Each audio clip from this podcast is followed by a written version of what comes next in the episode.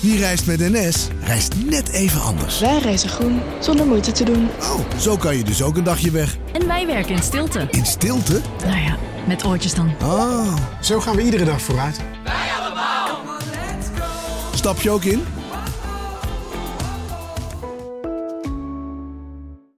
Een maatschappij waarin iedereen meedoet. Een gezonde, groene en rechtvaardige wereld. Daar willen jij en heel veel andere mensen best iets aan bijdragen. In het klein en in het groot. Dicht bij huis en ver weg. Zo hebben we vorig jaar 349 miljoen euro bij elkaar gebracht. Miljoenen waarmee onze goede doelenpartners de wereld elke dag een beetje beter kunnen maken. Nationale Postcode Loterij. Samen voor een betere wereld.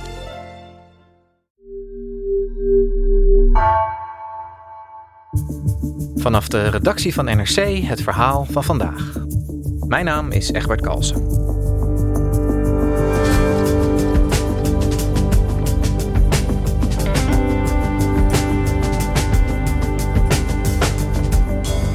Lege lades in de apotheek en hopeloze mensen aan de balie. Het schreeuwende tekort aan medicijnen is een landelijk probleem zonder kant-en-klare oplossing. Zorgredacteur Lineke Nieber liep mee met een apotheker en zag hoe de schaarse tabletjes, soms met een grote omweg, toch bij de patiënten terechtkomen.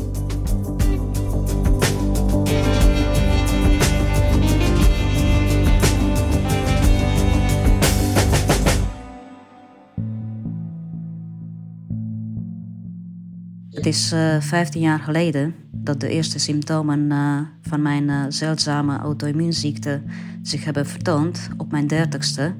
Dus opeens heb ik een epileptisch aanval gehad tijdens de nacht in een tent. En nadat wij de berg aan het beklimmen waren in Spanje, dus het was totaal onverwachts. En daarna kwamen de andere symptomen van mijn aandoening spierverstijving en uh, later ook uh, diabetes erbij. En het duurde acht jaar om achter te komen wat mijn diagnose was. Andrea Schouw-Napegui is een 45-jarige vrouw uit Utrecht. En zij lijdt aan een, aan een zeldzame neurologische aandoening. Het stiff person syndroom. En dat veroorzaakt epilepsie. Daar slikt ze medicatie voor. Ik gebruik drie soorten antiepileptica om uh, mijn uh, symptomen op de beste manier te kunnen bestrijden. Door de medicijntekorten in Nederland is een van de drie middelen die ze slikt al maanden niet leverbaar. En Andrea kreeg toen van haar apotheek een uh, vervangend medicijn, maar haar lichaam reageerde daar helemaal niet goed op. Het was geen fijne ervaring, want binnen drie dagen heb ik vijf epileptische aanvallen gehad toen het zo erg werd, besloot ze op een gegeven moment uh, om dat vervangend medicijn maar helemaal niet meer te slikken. Het was op 16 januari, op een uh, maandagmiddag, dat het van uur tot uur slechter en slechter ging. S'avonds uh, stond ik in de keuken, probeerde te koken en ik raakte helemaal verstijfd. En ik kon mijn benen niet meer optillen van de pijn. Mijn man zag mij in de keuken staan, schreeuwend van de pijn. Dus hij dacht, uh, bij de apotheek hebben we het niet. In huis hebben we mijn medicatie niet, die ik nu duidelijk nodig heb. Dus hij heeft gewoon zijn uh, telefoon gepakt en uh, via Twitter een bericht geplaatst. De man van Andrea is zo wanhopig. Hij ziet hoeveel pijn zij heeft en hoeveel last hij eh, van het missen van dat middel heeft, dat hij een bericht via Twitter uitstuurt. En uh, daarin doet hij een noodkreet. Hij zoekt met spoed uh, naar het middel dat ze niet kunnen krijgen, clobazam. En dat bericht dat gaat als een razende rond. Dat gaat viraal en het wordt bijna 1700 keer gedeeld. Andrea krijgt uiteindelijk ook het middel dat ze zoekt in handen. En ze legt zelfs uit pure wanhoop een eigen voorraad aan, omdat ze gewoon niet meer kan rekenen op aanlevering vanuit de apotheek.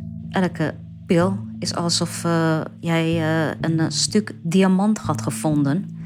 Want zo waardevol wordt het om überhaupt door te kunnen gaan. Dit voorbeeld van eh, Andrea illustreert eigenlijk een uh, gigantisch probleem dat op dit moment in Nederland speelt. De medicijntekorten die waren niet eerder zo groot en langdurig als uh, afgelopen jaar. De KNP, dat is de beroepsvereniging van apothekers, die liet weten dat maar liefst 1514 medicijnen vorig jaar langere tijd niet leverbaar waren. Ik wilde eigenlijk heel graag weten wat dat met patiënten en apothekers doet en hoe zo'n tekort er nou in de praktijk uitziet. Lineke, een, tekort uh, van 1514 medicijnen schetste jij. Dat, dat klinkt als ontzettend veel. Um, over wat voor soort medicijnen hebben we het dan? Ja, dat is echt heel uiteenlopend. Diezelfde beroepsvereniging van apothekers heeft een top 5 gemaakt van middelen waaraan echt het ernstigste tekort is. En daar uh, staan in um, ADHD-medicijnen uh, bijvoorbeeld. Een middel tegen jicht, dus uh, ontsteking in de gewrichten. Epilepsiemedicijnen. Uh, maar ook oxytocine injectievloeistof. Dat is een, middel waarmee je weeën kunt opwekken. dus die zijn heel belangrijk voor de verloskundige. Maar ook een belangrijk medicijn tegen ooginfecties uh, is nauwelijks te krijgen. Ja, dus echt over een hele brede range zou je kunnen zeggen. Hoe kan het dat er zoveel medicijnen niet beschikbaar zijn? Daar zijn eigenlijk verschillende redenen voor. Een van de redenen is dat er bijna geen uh, medicijnfabrieken meer uh, in Europa zijn. En dat heel veel van die medicijnen dus uit lage lonenlanden komen, zoals China en India. En je kunt je voorstellen dat als daar problemen zijn met de productie, als er grondstoffen vervuild zijn, als de distributie niet goed loopt, dat iedereen daar last van heeft. Maar Nederland betaalt ook nog relatief weinig voor geneesmiddelen. Dus dan staat Nederland als het ware achteraan in de rij. Ja, en lage prijzen zeg jij. Nederland doet erg zijn best om zo min mogelijk uit te geven aan medicijnen. Waarom is dat eigenlijk? We hebben natuurlijk te maken met uh, vergrijzing en een steeds grotere vraag naar uh, middelen.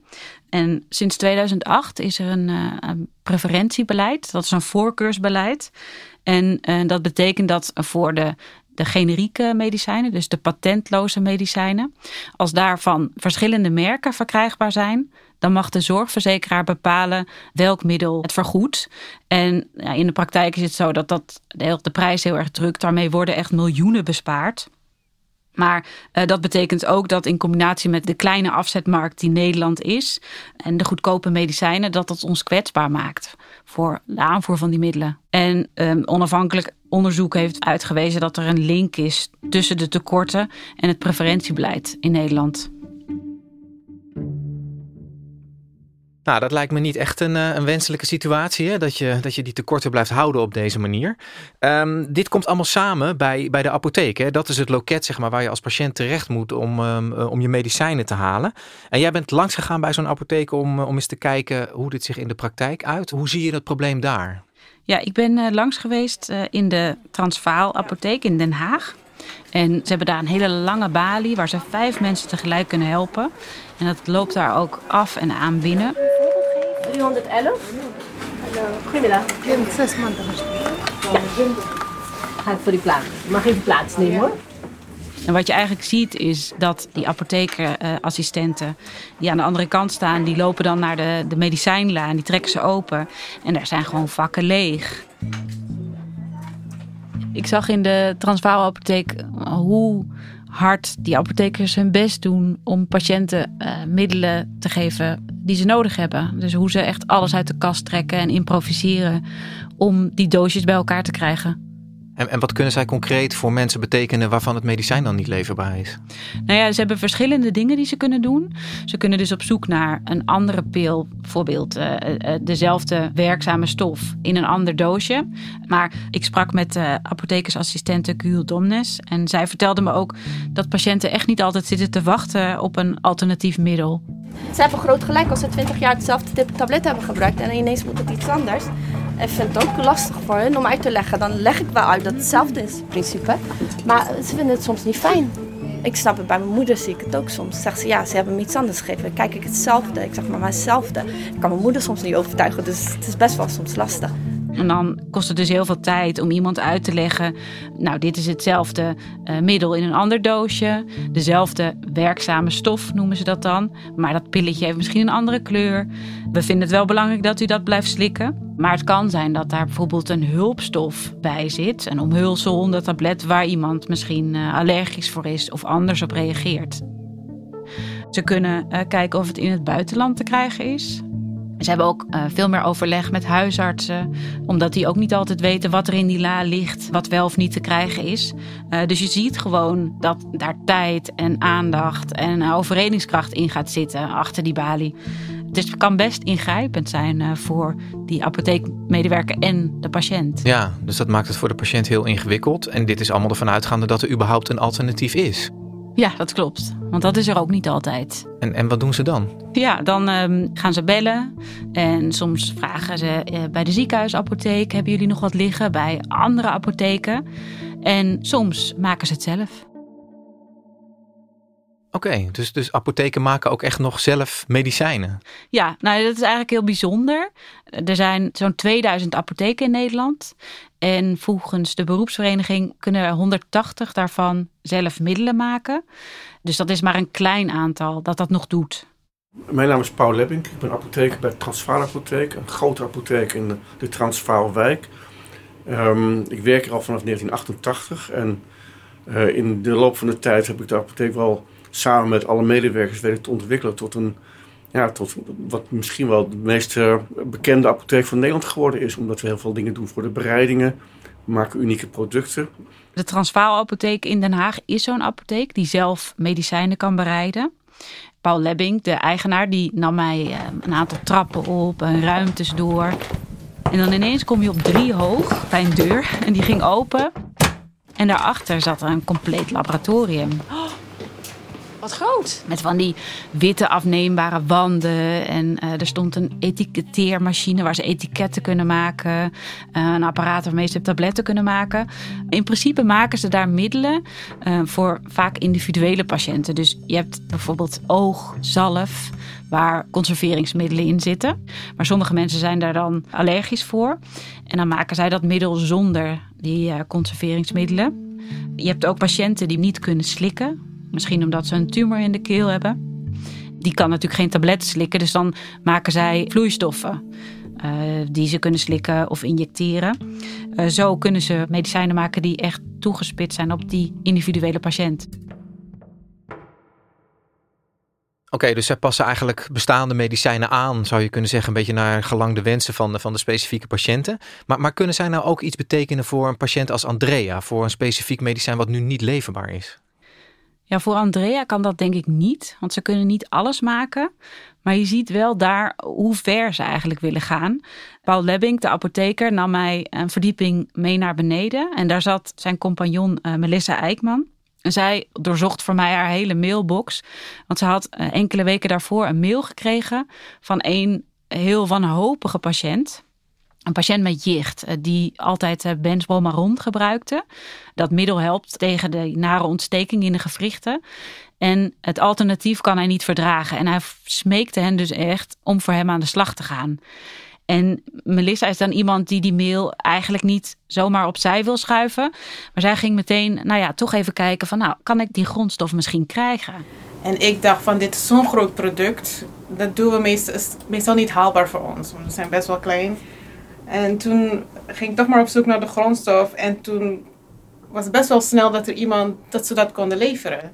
Maar vervolgens zocht zij op hoeveel eh, patiënten gaat het hier eigenlijk. En het bleek dat 7000 eh, mensen dat middel gebruiken. En toen schrok ze wel, want toen dacht ze, ja, kunnen wij dat wel aan? Eigenlijk kunnen we dit helemaal niet aan, we zijn veel te klein. En toen zei ik, ja, maar ik kan toch niet tegen die man zeggen, ik kan niks voor je maken, want er zijn te veel patiënten. Dus zij hebben die grondstof besteld. En die is um, afgelopen week uh, binnengekomen. En ze hebben de eerste tabletten geslagen, lieten ze weten. En volgens uh, Paul Lebbing ziet het er allemaal voorspoedig uit. En kunnen ze dat uh, middel ook gaan leveren aan al die patiënten. Dus die apotheek in Den Haag die kan wel dat jichtmedicijn waar zo'n tekort aan is maken. Maar die fabrikant die dat normaal gesproken levert, die, die lukt dat niet. Hoe kan dat dan? Ja, dat is een goede vraag. Zelf stonden ze daar in Den Haag ook wel een beetje van te kijken dat het zo eenvoudig ging. Maar je moet je wel realiseren dat fabrikanten uh, moeten, om een medicijn uh, op de markt te brengen, moeten ze door allerlei hoepels heen om dat middel geregistreerd te krijgen. En ze moeten onderzoek doen en studies. En als dat dan uiteindelijk allemaal volgens de regels gedaan is, dan krijgen ze een handelsregistratie. En je kunt je dan ook voorstellen dat je niet zomaar nu van grondstofleverancier kunt wisselen, zonder dat je bijvoorbeeld weer een heel traject door moet. En dat hoeft de apotheker niet te doen, omdat hij in principe uh, middelen maakt op hele kleine schaal. En daar is dus nu een kleine uitzondering voor, omdat het middel niet te krijgen is. En, en die apotheek in Den Haag, die, die kan dus zelf medicijnen maken. En die hebben dan in dit geval van dat jichtmedicijn dat gedaan. Maar staan daar niet de hele tijd mensen dan aan de balie met van... kun je alsjeblieft ook mijn medicijn maken? Ja, dat uh, gebeurt steeds vaker. Ze bellen of ze mailen. En dan kijkt de, de, apotheek, wat kunnen we doen? Wat is haalbaar? Ze kunnen natuurlijk niet al die medicijnen gaan maken. Daarvoor zijn ze veel te klein. Kunnen ze ook niet aan alle grondstoffen komen. Um, je ziet eigenlijk dat waar ze eerst voor de individuele patiënt middelen gingen aanpassen, nu een soort kleine verschuiving naar dat gat dat de fabrikanten laten vallen, dat ze dat dus proberen op te vullen. Maar wat je ook krijgt is dat ze nu bijvoorbeeld ehm, bij hele schaarse medicijnen noodgedwongen moeten gaan kijken welke patiënt daar het eerste recht op heeft. Een van de uh, assistenten vertelde me bijvoorbeeld dat er slaaptabletten zijn die moeilijk te krijgen zijn. Daar is dus wel iets van, maar uh, niet genoeg.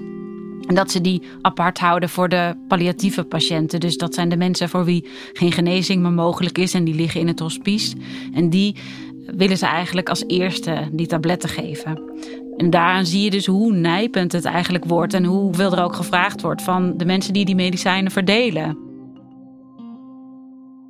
Ja, dat is natuurlijk heel fijn voor die, voor die ene patiënt. En het laat ook echt de cruciale rol van zo'n, van zo'n apotheek zien. Maar, maar is het nou ook echt de verantwoordelijkheid van zo'n apotheek hè? Om, die, om, die, om die speelfunctie te hebben? Of zijn er ook anderen die verantwoordelijk zijn voor dat medicijntekort?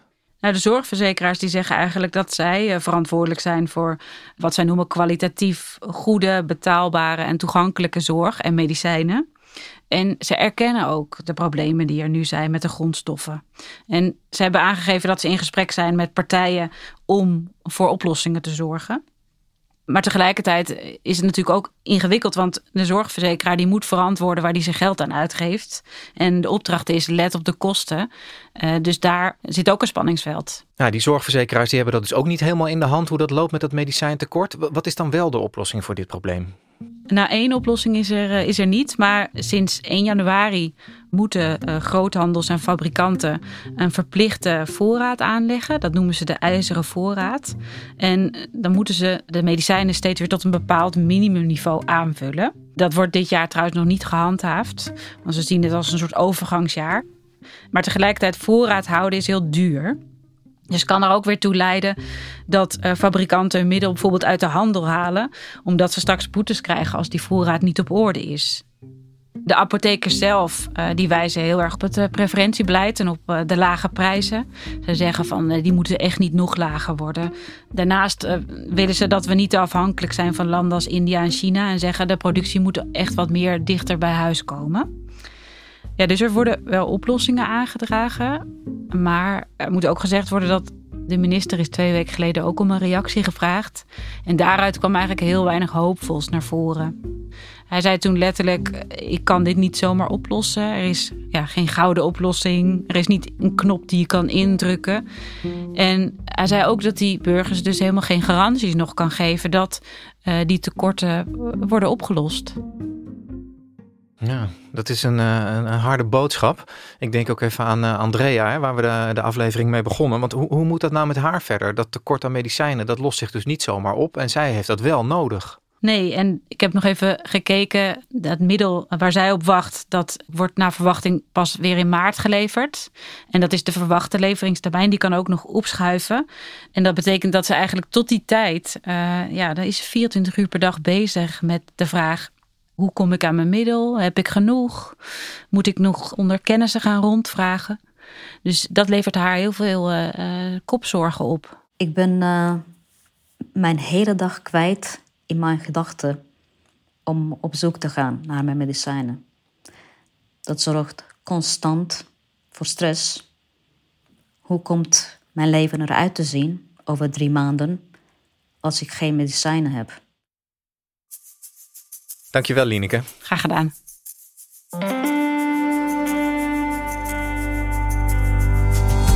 Je luisterde naar vandaag, een podcast van NRC. Eén verhaal, elke dag. Deze aflevering werd gemaakt door Lis Doutsenberg, Vita van Lennep en Marco Raaphorst. Coördinatie Henk Ruigrok van der Werven. Dit was vandaag. Morgen weer.